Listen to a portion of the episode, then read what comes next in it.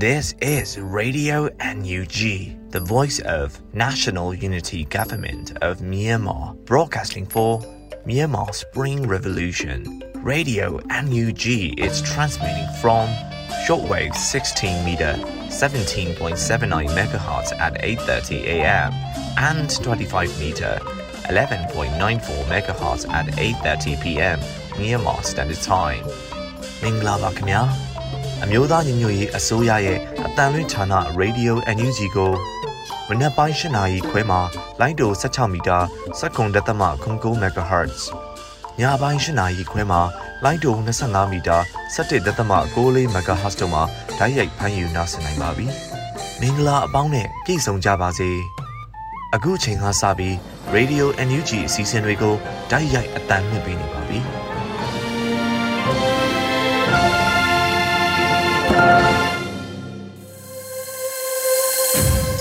မြန်မာနိုင်ငံသူနိုင်ငံသားအပေါင်းတဘာဝပြီးစစ်အာဏာရှင်ပြည်တို့ကနေကင်းဝေးပြီးကိုစိတ်နှပြကျန်းမာချမ်းသာလို့ဘေးကင်းလုံခြုံကြပါစေလို့ Radio NUG ဖွဲ့သူဖွဲ့သားတွေကဆုတောင်းမေတ္တာပို့သလိုက်ရပါတယ်ရှင်။အခုချိန်ကစပြီးပြည်တွင်းသတင်းတွေကိုຫນွေဦးမောင်ကဖတ်ကြားတင်ပြပေးတော့မှာဖြစ်ပါတယ်ရှင်။မင်္ဂလာပါခင်ဗျာ။ယခုချိန်ကစပြီး Radio NUG ညနေခင်းသတင်းများကိုဖတ်ကြားတင်ပြပေးပါတော့မယ်။ ယခုတင်ပြပေးမယ့်သတင်းတွေကတော့ Radio NUG သတင်းတာဝန်ခံတွေနဲ့ခိုင်လုံသောမိဖက်သတင်းရင်းမြစ်တွေမှာအခြေခံထားတာဖြစ်ပါတယ်။ကျွန်တော်ကတော့ຫນွေဦးမှာပါခင်ဗျာ။ပထမဆုံးတင်ဆက်ပေးမယ့်သတင်းကတော့အမျိုးသားညီညွတ်ရေးအစိုးရနိုင်ငံသားရေးဝန်ကြီးဌာနအနေနဲ့စက်ကောင်စီကကျူးလွန်တဲ့ရာဇဝတ်မှုများကိုလွှတ်ပေးမထားဘဲနိုင်ငံတကာရာဇဝတ်ခုံရုံးများတွင်အရေးယူနိုင်ရေးဆောင်ရွက်နေတယ်လို့ဒုဝန်ကြီးဦးမိုးစောဦးကဆိုခဲ့ပါတယ်။ အမျိုးသားညီညွတ်ရေးအစိုးရနိုင်ငံသားရေးဝန်ကြီးဌာနအနေနဲ့စစ်ကောင်စီကကျူးလွန်တဲ့ရာဇဝတ်မှုများကိုလွတ်ပေးမထားဘဲနိုင်ငံတကာရာဇဝတ်ခုံရုံးများတွင်အရေးယူနိုင်ရေးဆောင်ရွက်နေတယ်လို့ဧပြီလ23ရက်နယူးယောက်မြန်မာမိသားစုတွေ့ဆုံပွဲအခမ်းအနားတွင်နိုင်ငံသားရေးဝန်ကြီးဌာနဒုဝန်ကြီးဦးမိုးစောဦးကပြောကြားခဲ့ပါတယ်။ကျွန်တော်တို့အစိုးရကနိုင်ငံတကာကိုသွားတဲ့အခါမှာအစိုးရတွေနဲ့တွေ့တယ်။လွှတ်တော်နဲ့တွေ့တယ်။ NGO တွေနဲ့တွေ့တယ်။ အဓိကတရားဝင်ဖြစ်မှုရဲ့နောက်တစ်ခုကစစ်တပ်ကိုဖိအားပေးလုပ်လို့ရတာပေါ့စီးပွားရေးအရာနောက်ငွေရေးကြေးရေးအရာဖျက်တောက်နိုင်တာပါအဲ့ဒီတော့မတရားမှုကိုကျူးလွန်ထားတာကျွန်တော်တို့ကဒီအတိုင်းပဲလွတ်ထားပေးလို့မရတော့ဘူးလွတ်ထားပေးလိုက်ရင်နောက်တစ်ချိန်လဲအခွင့်အလမ်းပေးလိုက်တယ်လို့ဖြစ်မယ်မတရားမှုရာဇဝတ်မှုကိုကျူးလွန်ထားတဲ့သူကအရေးယူခံရမယ်ဆိုတဲ့အစဉ်အလာရှိကိုရှိရမယ်အဲ့ဒီတော့နိုင်ငံသားရေးဝန်ကြီးဌာနကလည်း ICC ICJ ကိုအသုံးပြုတရားစွဲဆိုတဲ့နေရာမှာဒါတွေကလုံနေတာရှိပါတယ်လို့ဆိုပါတယ်စစ်အာဏာသိမ်းပြီးနောက်အရက်သားသိမ်းဆုံးမှုစုစုပေါင်းမှာယမန်နေ့အထိ1950ဦးရှိခဲ့ပြီဖြစ်ပါတယ်ဒါအပြင်2021ခုနှစ်ဖေဖော်ဝါရီလ1ရက်နေ့မှ2022ခုနှစ်ဧပြီလ23ရက်နေ့အထိတိုင်ဖမ်းဆီးချုပ်နှောင်ခြင်းခံထားရသူစုစုပေါင်း1195ဦးရှိပြီး၎င်းတို့အနက်မှ996ဦးမှာထောင်ဒဏ်ချမှတ်ခြင်းခံထားရပါတယ်။ ဆက်လက်ပြီးမြမနွေဦးတော်လန်ရေးဟာနိုင်ငံတကာကထုတ်ပြန်ချက်တွေနဲ့စိုးရိမ်ပူပန်မှုပြောစကားတွေနဲ့မလုံလောက်တော့ဘူးလို့လူအခွင့်ရေးရာဝန်ကြီးဦးအောင်မျိုးမင်းကဖွင့်ဟပြောကြားခဲ့ပါတယ်။မြမနွေဦးတော်လန်ရေးဟာနိုင်ငံတကာကထုတ်ပြန်ချက်တွေနဲ့စိုးရိမ်ပူပန်မှုပြောစကားတွေနဲ့မလုံလောက်တော့ဘူးလို့လူအခွင့်ရေးရာဝန်ကြီးဦးအောင်မျိုးမင်းကဧပြီလ23ရက်နေ့နယူးယောက်မြန်မာမိသားစုတွေ့ဆုံပွဲအခမ်းအနားမှာဖွင့်ဟပြောကြားလိုက်ပါတယ်။အဲ့ဒီတော့ပြည်ရင်းမှာရှိတဲ့ပြည်သူတွေအတွက် နိုင်ငံတကာကအားပေးထောက်ခံမှုဘာတွေလုပ်ရမလဲတစ်ချိန်တည်းမှာပဲကျွန်တော်တို့ຫນွေဦးတော်လန်ရေးနဲ့အနာဂတ် Federal Democracy ပြည်ထောင်စုတည်ထောင်ရေးအတွက်နိုင်ငံတကာကဘာတွေကူညီထောက်ပံ့ကြမှာလဲကျွန်တော်တို့ကိုထုတ်ပြန်ချက်မလုံလောက်တော့ဘူးထုတ်ပြန်ချက်ပြီးတော့ထုတ်ပြန်ချက်တခါလာလဲဝမ်းနေတခါလာလဲစိတ်မကောင်းတခါလာလဲစိုးရိမ်ပူပန်အဲ့ဒီလိုဟာမျိုးထက်လှုပ်ဆောင်မှုအတွက်အများကြီးလိုလာတယ်လို့ဆိုပါတယ်လက်ရှိမှာမြမအရေးနဲ့ပတ်သက်လို့ ကုလအစည်းအဝေးများမှာမြန်မာအတမ်းမတ်ကြီးဦးကျော်မိုးထွန်းကစစ်အုပ်စုကိုထိရောက်စွာအရေးယူပေးရေးနဲ့လက်နက်ရောင်းချမှုကိုအရေးယူပိတ်ဆို့ပေးရေးတင်ပြတောင်းဆိုထားပါတယ်။ဒါအပြင်အကြမ်းဖက်စစ်အုပ်စုခေါင်းဆောင်တဲ့စစ်ရာဇဝတ်မှုကျူးလွန်သူများကိုအပြည်ပြည်ဆိုင်ရာရာဇဝတ်ခုံရုံးတင်ဖို့အရေးယူနိုင်ရေးကိုလည်းအမျိုးသားညီညွတ်ရေးအစိုးရကဆောင်ရွက်လျက်ရှိပါတယ်။ဆက်လက်ပြီးအကြမ်းဖက်စစ်အုပ်စုရဲ့စစ်အင်အားအများစုဟာနေရာအနှံ့ဖြန့်ခွဲထားရတဲ့အတွက် ဌာနချုပ်တွေမှာမိမတွေနဲ့နောက်ချန်အင်အားအနှဲငယ်ပဲကြန့်ရှိတော့တယ်လို့ဆိုပါတယ်။အကြမ်းဖက်စစ်အုပ်စုရဲ့စစ်အင်အားအများစုဟာနေရာအနှံ့ဖြန့်ခွဲထားရတဲ့အတွက်ဌဌာနချုပ်တွေမှာမိမတွေနဲ့နောက်ချန်အင်အားအနည်းငယ်ပဲကြမ်းရှိတော့တယ်လို့ခမာယ9နှစ်မှ CDM ဗိုလ်ကြီးလင်းထက်အောင်ကဧပြီလ14ရက်နေ့မှာစစ်ရေးအခြေအနေနဲ့ပတ်သက်လို့သူ့ရဲ့လူမှုကွန်ရက်မှာရေးသားပြောကြားလိုက်တာပါ။နီးလာပြီးမြို့ရီနားသို့ချင်းကပ်လာတဲ့တိုက်ပွဲတွေနီးလာပြီး ပင်လယ်ဘူးလေးကေကောတင်ငန်းညီနောင်တို့ကတိုက်ပွဲတွေဟာအောင်မြင်မှုတွေရရှိပြီးမြို့တွေနဲ့ထိစပ်နေတဲ့တိုက်ပွဲတွေလို့အကြမ်းမြင်ပြောလို့ရပါတယ်။အခုတလောစစ်ရေးအခြေအနေကိုခြုံငုံသုံးသပ်ရရင်ပျောက်ကြားအဆင့်ကနေတိုက်စစ်အသင်ကိုအကဲဆန်းဖွင့်လိုက်တဲ့အခြေအနေလို့မြင်မိတယ်။စစ်တပ်ဟာတကြံကိုယ်တော်လုံခြုံရေးအင်အားကိုအများကြီးသုံးပြီးအသေးအတန်တကားပိတ်ကျင်းပနေရတာကိုအားလုံးနဲ့တွေ့ရမှာပါ။ သူတို့ရဲ့စစ်အင်အားအများစုဟာနေရာအနှံ့ဖြန့်ခွဲထားရတဲ့အတွက်ဌာနချုပ်တွေမှာမိမတွေနဲ့နောက်ချန်အင်အားအနည်းငယ်ပဲကြန့်ရှိတော့ပါတယ်လို့ဆိုပါတယ်။2021ခုနှစ်စက်တင်ဘာလ9ရက်နေ့မှာအကြမ်းဖက်စစ်အုပ်စုကိုခုခံတွန်းလှန်ဖို့အမျိုးသားညီညွတ်ရေးအစိုးရဟာနိုင်ငံတော်ကိုအရေးပေါ်အခြေအနေကြီးညာခဲ့ပါတယ်။စစ်ကောင်စီတပ်များဟာလည်းထိခိုက်ဒေဆုံးမှုများပြားလာတဲ့အတွက်လက်ရှိမှာပြည်သူရင်ခွင်ခိုးလုံလာသူတပေါင်းနီးပါးရှိခဲ့ပြီဖြစ်ပါတယ်။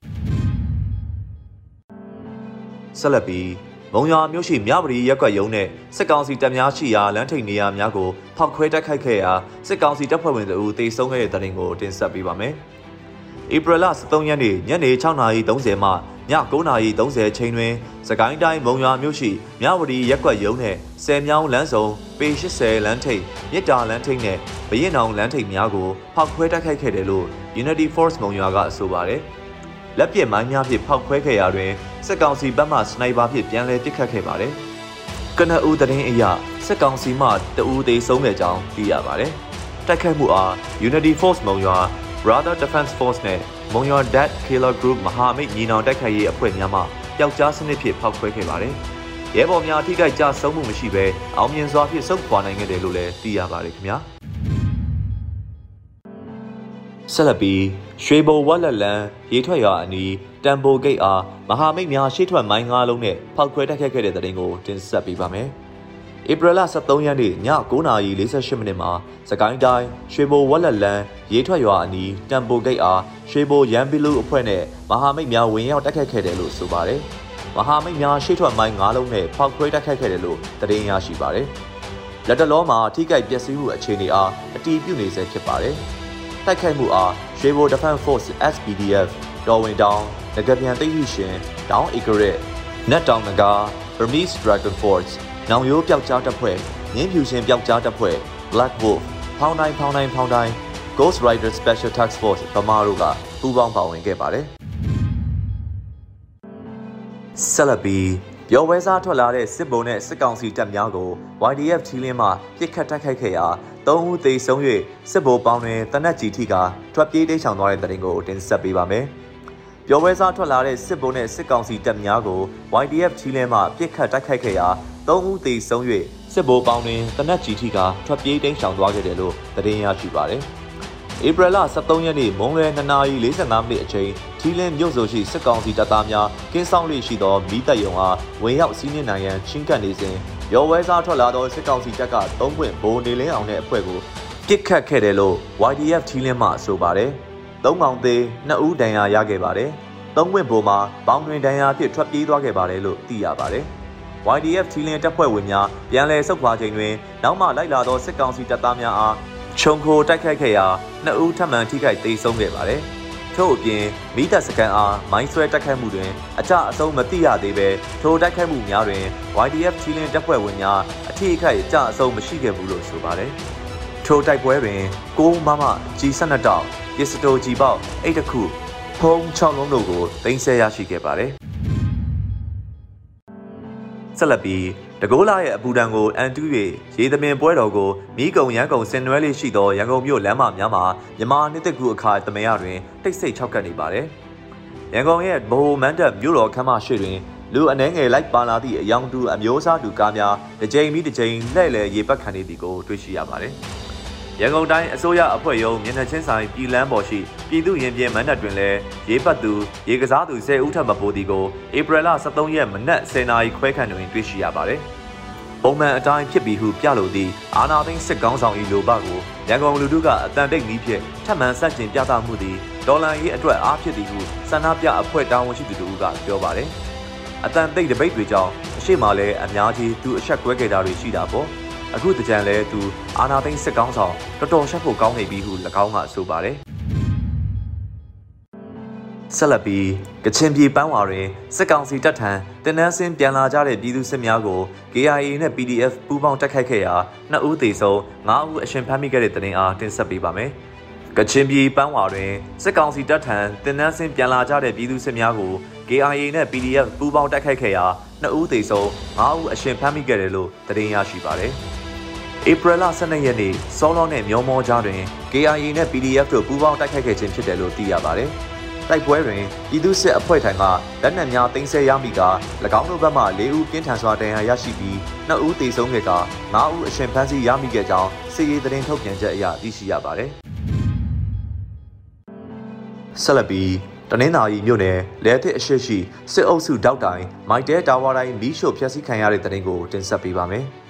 တနင်္သာရီမြို့နယ်လဲသစ်အရှိရှိစစ်အုပ်စုတောက်တိုင်မိုက်တဲတာဝါတိုင်းမီးရှို့ဖျက်ဆီးခံခဲ့ရတယ်လို့သတင်းရရှိပါတယ်။ဧပြီလ14ရက်နေ့မှာစစ်ရေးတရင်ကိုတနင်္သာရီကာကွယ်ရေးပျောက်ကြားအဖွဲ့ကထုတ်ပြန်ခဲ့ပါတယ်။နှစ်ကူလက်ဆောင်တနင်္သာရီမြို့နယ်လဲသစ်အရှိမိုက်တဲတာဝါလိုင်းကိုမီးရှို့ဖျက်ဆီးခဲ့ပါတယ်လို့ဆိုပါတယ်။လက်ရှိမှာစကိုင်းတိုင်းကရင်ပြည်ဒေသနဲ့ချင်းပြည်နယ်တို့မှာစစ်တပ်ထုတ်ကုန်များကိုရောင်းဝယ်ဖောက်ကားခြင်းတိုက်ဆောင်ခြင်းမပြုဖို့ကာကွယ်ရေးတပ်ဖွဲ့များကစစ်ဆေးတားမြစ်လျက်ရှိပါတယ်။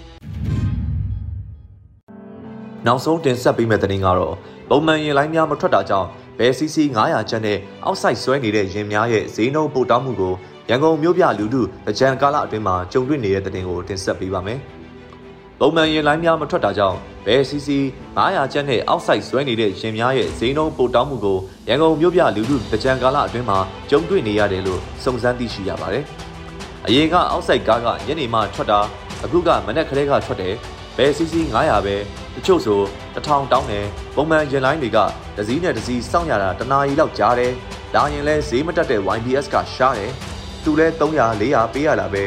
အခုဆိုကားတိုင်းလိုလို spare တွေပြန်ပါလာပြီးသူတို့ပြောဆိုနေတဲ့ဒဏ်လဲခံရတယ်လို့ကမာရွတ်မြို့နယ်နေထိုင်သူအိမ်ရှင်မတဦးကလည်းဆိုပါတယ်ရန်ကုန်မြို့တွင်မှာရင်လိုင်းပေါင်း100ကျော်နဲ့ရင်အစီအရေ3000ကျော်ခရီးသည်တင်ပို့ရာမှာတကြံကာလမှာတော့ ရင်လိုင်း61လိုင်းနဲ့ရင်အစည်းအရေ900ကျော်အထိရှော့ချပြေးဆွဲခဲ့တာဖြစ်ပါတယ်။စစ်အာဏာသိမ်းပြီးနောက်ပိုင်းရန်ကုန်မြို့ပြသစစ်အာဏာသိမ်းပြီးနောက်ပိုင်းရန်ကုန်မြို့ပြတည်ယူရေးစနစ်ကိုပြန်လည်ပြင်ဆင်ပြောင်းလဲခဲ့ရာလူထုအများစုအခက်အခဲကြောက်ခဲ့ပါတယ်။ရင်လိုင်းနံပါတ်များပြန်လည်ပြင်ဆင်ပြောင်းလဲသတ်မှတ်ခြင်းနဲ့ရင်စည်းကများပြင်ဆင်သတ်မှတ်ခြင်းတို့ကိုလူထုအကျိုးမပြုဘဲလှုပ်ဆောင်ခဲ့ပါတယ်။ရင်လိုင်းတွေကိုတော့ဧပြီလ18ရက်နေ့မှာပုံမှန်အရေးအတွက်အတိုင်းပြန်လည်ပြေးဆွဲမှာဖြစ်တယ်လို့သိရှိရပါတယ်ခင်ဗျာ။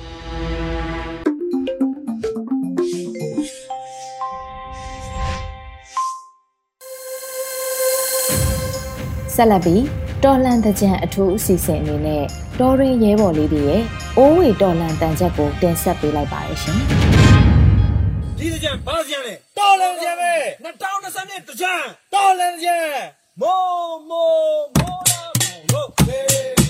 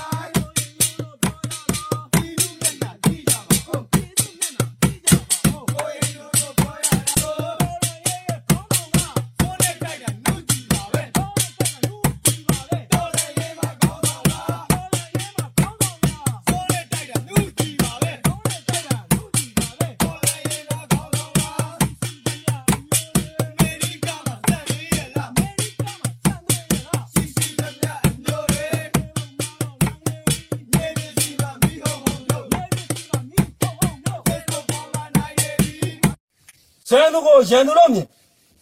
မိတ်ဆွေကိုလည်းမိတ်ဆွေတို့မြင်ကြတွေ့ဆုံ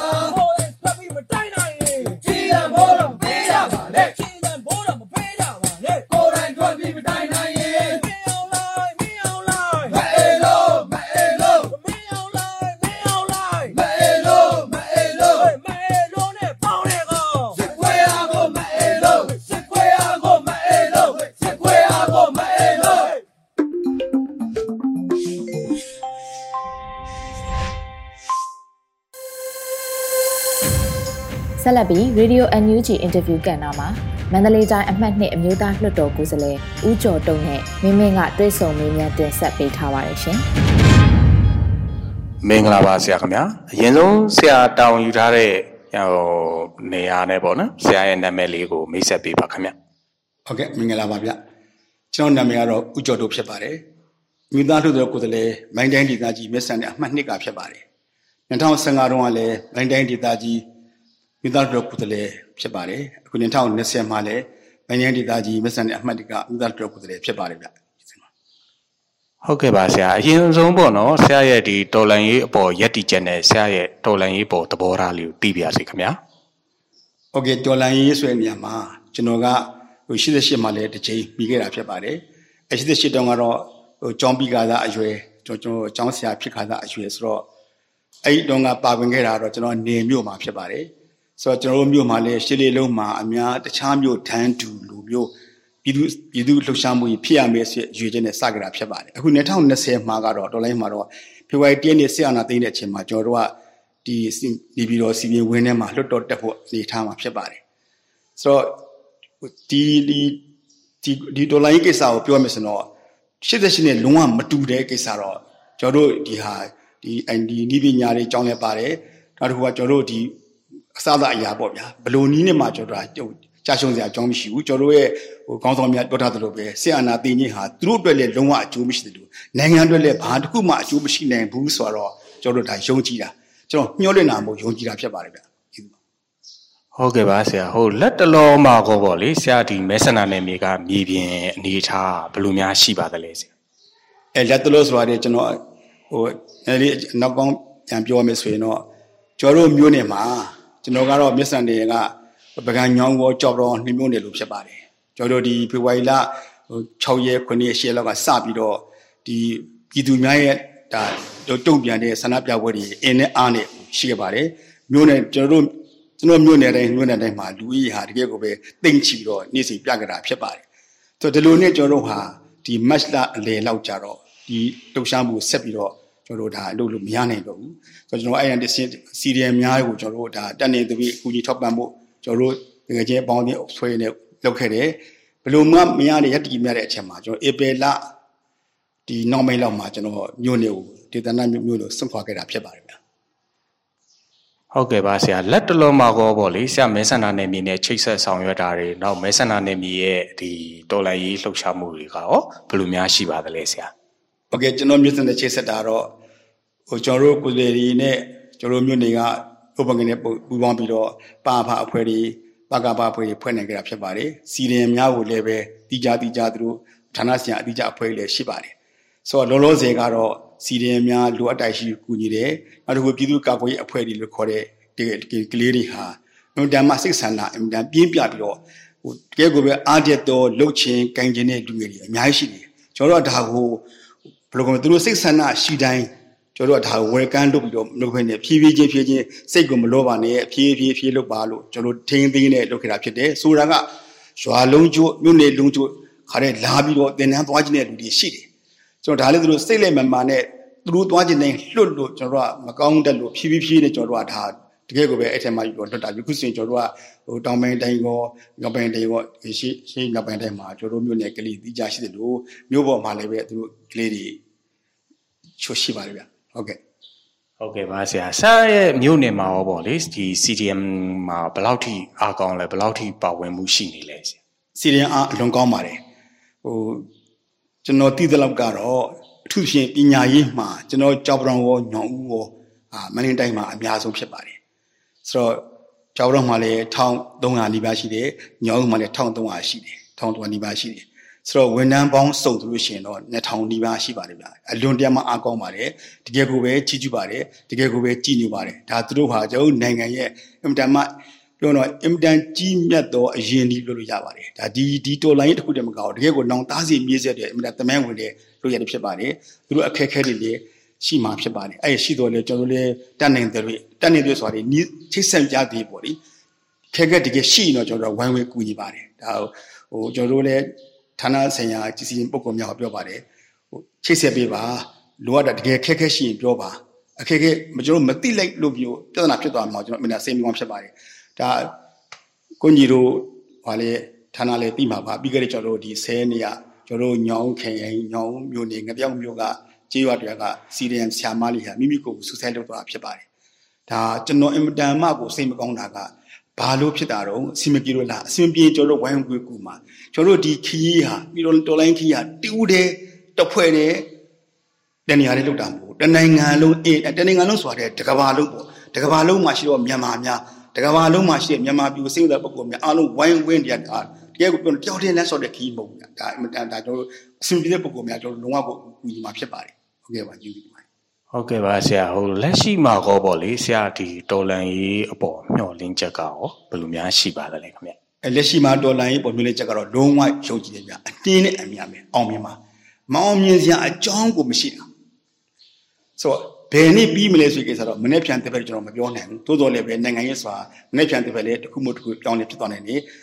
ခြုံပြီးပြောတော့မအောင်မြင်နိုင်စရာအကြောင်းဘာတစ်ခုမှမရှိဘူး တကယ်သူ့ရဲ့တစ်ခုချင်းတစ်ခုချင်းပြောမယ်ဆိုရင်နိုင်ငံရေးစီးပွားရေးစီးရေးလူမှုရေးဘာအကြောင်းတစ်ခုနဲ့မှကျွန်တော်ဘက်ကအားပြော့သွားတာမရှိဘူးဆိုတော့စီရီယန်အားမောတကယ်ကိုကလေးတွေရဲ့ပီဒီအားရောတကယ်အားလုံးကညစ်စင်နေများအားကောင်းတာဒါကျွန်တော်တို့ဒါဒါတော့မီဒီယာတစ်စင်သိရတာပေါ့လေတကယ်ကိုပဲဖြစ်ခဲ့တဲ့မီးရှို့ခံခဲ့တဲ့ကျေးရွာတွေကပုံကိုများဆိုလို့ရှိရင်သူတို့အိမ်တွေမိတဲ့ပါသွားတာတော့စိတ်မကောင်းဖြစ်နေတယ် ဒါပေမဲ့လုံးဝသူတို့ဝမနေဘူးဒီနိုင်တော်လိုင်းအောင်မြင်စင်ဒါကလုံးဝဝမနေဘူးလို့သူပြောတဲ့အတန်ကြီးဟာတကယ်တမဲဝင်တဲ့ဖြစ်ပါတယ်ဗျဒီဂျိုယုံကြည်ပါတယ်ဟုတ်ကဲ့ပါဆရာဟိုလက်တလုံးမှာကောပေါ့လေဒီတော်လိုင်းနဲ့ပတ်သက်ပြီးပြည်သူလူထုအပေါ်ဆရာပြောခြင်းနဲ့အမှားစကားများရောရှိလားခင်ဗျဟုတ်ကဲ့ပြည်သူလူထုအပေါ်ဆိုကျွန်တော်နေနေကျွန်တော်အပိုင်းလေးခွဲပြောလိုပါတယ်နံပါတ်1က CDM ဖြစ်ပါတယ်ဆိုတော့ CDM ပုဂ္ဂိုလ်များအခက်အခဲရှိမယ်ဆိုတာယုံကြည်ပါတယ်အဲ့အခက်အခဲများကိုကြံ့ကြံ့ခံစီလိုပါတယ် ဘလို့မှကိုဟိုမခံနိုင်တော့အောင်ပြင်ပန်းခက်ခဲကြက်တဲ့ဆိုရင်ပြောပြပါအလုံးဝိုင်းဝဲကူညီပါမယ်ဆိုတော့ဒါဟာတကယ်ကိုကျွန်တော်တို့တစ်နှစ်တာကာလလည်းမဟုတ်ပါဘူးတက်တက်တာဒါမှမဟုတ်တားစီမြေးဆက်အတွက်ဒါကျွန်တော်တို့ရင်းနှီးရင်းနှီးမှုတစ်ခုလို့ကျွန်တော်တို့စီတယ်များပြောလို့ပါတယ်။နောက်ပြည်သူများအနေနဲ့ဒီလျှက်စီမိကိစ္စရေကိစ္စမိကိစ္စအများကြီးဒုက္ခဒုက္ခတွေရှိပါတယ်ဒီကိုကျွန်တော်နောက်ဆုံးပြောတဲ့လောင်စာလောင်စာစီတက်တဲ့ကိစ္စအဲ့ဒါဒီအားလုံးရဲ့အဓိကတဲခံဆရာနာရှင်တော်ဖြစ်ပါတယ် ပြည်သူဆိုတဲ့နေရာမှာကျွန်တော်ဒီညမှာကျွန်တော်တယောက်တည်းရဲ့သဘောပဲပြောပါမယ်ကျွန်တော်တို့ဒီတော်လိုင်းအင်အားစုရောဒီတစ်ဖက်ကဆရာနာရှင်ဘက်ကအုပ်စုအားလုံးရဲ့ဒုက္ခဒုက္ခအားလုံးဟာဆရာနာရှင်ကြောင့်ဖြစ်ပါတယ်နောက်ဆုံးဒီပြည်သူရဲတွေရောတက်မတော်ရောတက်မတော်မိသားစုရောမိသားစုကိုချင်းစာပါတယ်ဗျာကျွန်တော်မိသားစုဆိုတာအဲသူတို့အားလုံးရဲ့ကြုံတွေ့ရတဲ့ဒုက္ခအားလုံးဟာဆရာနာရှင်ပဲဖြစ်တယ်ဆရာနာရှင်ဆိုတာမောင်သူဥပဒုဘုသူတယောက်တည်းပြတော့မဟုတ်ဒီဆရာရဲ့စနစ်ပါဒါကြီးအားလုံးအမြင့်ပြုတ်မှသာတယ်အားလုံးငြိမ်းချမ်းမှာ အားလုံးအေးချမ်းမှာဖြစ်ပါတယ်အားလုံးကြုံတွေ့တဲ့ဒုက္ခဒုက္ခအားလုံးရဲ့အဓိကတရားကဆရာနာရှင်ဖြစ်ပါတယ်တော့ဆရာနာရှင်ကိုတော်လှန်မှုကျွန်တော်တို့ဒီအားလုံးအားလုံးဟာဒီဒီတတန်နေဖြစ်ဖို့လိုပါတယ်အခုလည်းဖြစ်နေဖြစ်နေပါတယ်ဗျကျေးဇူးတင်ပါတယ်ဟုတ်ကဲ့ပါဆရာဒီတော်လိုင်းနဲ့ပတ်သက်ပြီးဆရာအနေနဲ့ဖြစ်ဆွပြောချင်ကြမှာရှင်လည်းပြောပေးပါအောင်ခင်ဗျကျွန်တော်တို့တော်လိုင်းကလုံးဝအောင်မြင်မယ်လို့ယုံကြည်တာပါဗျကျွန်တော်ညှော်လင့်တာကိုယုံကြည်တာဘယ်လိုနည်းနဲ့မှကျွန်တော်တို့ဒါမောင်မြင်စရာအကြောင်းမရှိဘူးသို့တော်လည်း ကျွန်တော်ဖြတ်တန်းလာခဲ့တဲ့အရာတွေအချိန်ကတော့အမြဲတမ်းပြန်မှန်းပါတယ်ကျွန်တော်နိုင်ငံကြီးတစ်ခုလုံးရဲ့တမန်ကိုပြောလို့ဆိုရင်ကျွန်တော်နိုင်ငံလွတ်လပ်ရတာတော့မှတကယ်တမ်းပြောနှစ်တရားမရှိဘူးဆိုတော့ကျွန်တော်ဒီကားထဲမှာဖြတ်တန်းလာခဲ့တဲ့အရာတွေအများကြီးရှိတယ်။နောင်ကြတဲ့အခါမှာဒီလက်ရှိဒေါ်လာရေးဟာယူဒေါ်လာရေးဟာတမန်စာမျက်နှာမှာတကြောင်လေးဖြစ်သွားမှာအလုံးစုံရှိတက်ကြောင်တုံကြောင်ငါတော့တမျက်နှာမှာရှိတဲ့အကြောင်းမရှိဘူး။သို့တော့ဖြတ်တန်းနေရတဲ့ကျွန်တော်တို့တပီဟာအင်မတန်ဗင်မန်းတယ်အင်မတန်ချိန်ကြသလိုပဲအဲကြောင့်မလို့ဒီဒေါ်လာရေးဟာအချိန်ဟာအလုံးမ သိမကြပါဘူး။ဒီရက်ကိုပဲကြညံခံတောင်းတောင်းခံတောင်းခံထားကြပါဒုက္ခဒုက္ခအလုံးဟာဒါကျွန်တော်တို့နောင်သားစီပြည့်တဲ့အတွက်လို့အောင်းပြီးတော့ကြညံခံမှုလိုပါတယ်တေးကြတယ်ကျွန်တော်နိုင်ကိုနေမကြတော့ဘူးဆိုတော့ယုံကြည်တယ်ကျေးဇူးပါဟုတ်ကဲ့ပါဆရာကျေးဇူးတင်ပါတယ်ခင်ဗျာဟုတ်ကဲ့ကျေးဇူးတင်ပါတယ်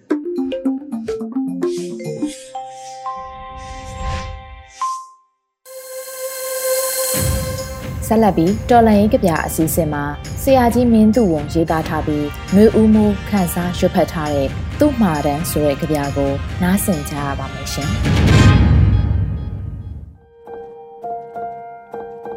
သူ့မှာတန်းသူတို့အစုပ်ထားခဲ့မြုပ်သည့်ဘုံငုတ်တိုက်မှာမောင်ပြောက်ကြားကိုရွာသားရွာသူ မေးကြမြူသည်ဥဥရမ်းငွေထတုံးတီ အမောင်ပြောက်ကြားချစ်သူအားကိုဘာများမှားခဲ့လို့တနည်းငယ်ကကျင်မြတ်မိတ္တမတ်ကိုခွင့်လွတ်ခဲ့ကြောင်းပြောပါလေအမောင်ပြောက်ကြားမိဘအားကိုဘာများမှားခဲ့လို့တနည်းမွေးတိမိခင်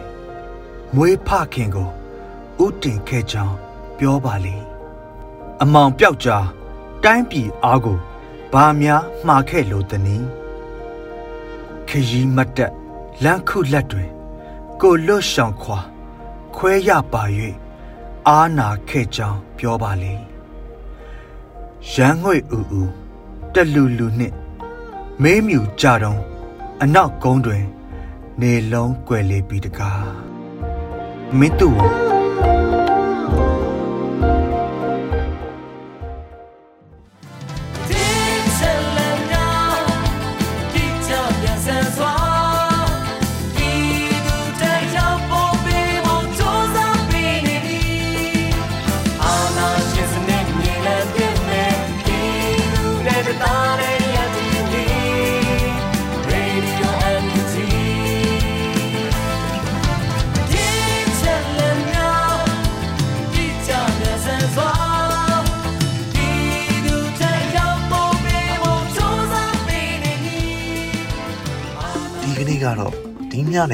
Radio NUG ရဲ့အစည်းအဝေးတွေကိုခਿੱတရနာလိုက်ပါမယ်မြန်မာစံတော်ချိန်မနက်၈နာရီခွဲနဲ့ည၈နာရီခွဲအချိန်တွေမှာပြန်လည်ဆုံးဖြတ်ကြပါစို့ Radio NUG ကိုမနက်ပိုင်း၈နာရီခွဲမှာလိုင်းဒို16မီတာစက္ကန့်တသမ9 MHz ညပိုင်း၈နာရီခွဲမှာလိုင်းဒို25မီတာ17သမ6 MHz တို့မှာဓာတ်ရိုက်ဖမ်းယူနားဆင်နိုင်ပါပြီမြန်မာနိုင်ငံသူနိုင်ငံသားများကိုယ်စိတ်နှပြကျန်းမာချမ်းသာလို့ဘေးကင်းလုံခြုံကြပါစေလို့ Radio NUG အဖွဲ့သူအဖွဲ့သားများကဆုတောင်းလိုက်ရပါတယ်။အမျိုးသားညီညွတ်ရေးအစိုးရရဲ့စက်သွေးရေးတရင်အချက်အလက်နဲ့ဤပညာဝန်ကြီးဌာနကထုတ်လွှင့်နေတဲ့ Radio NUG ဖြစ်ပါတယ်။ San Francisco Bay Area အခြေစိုက်မြန်မာမိသားစုများနဲ့နိုင်ငံတကာကစေတနာရှင်များလုပ်အားပေးများရဲ့ Radio NUG ဖြစ်ပါတယ်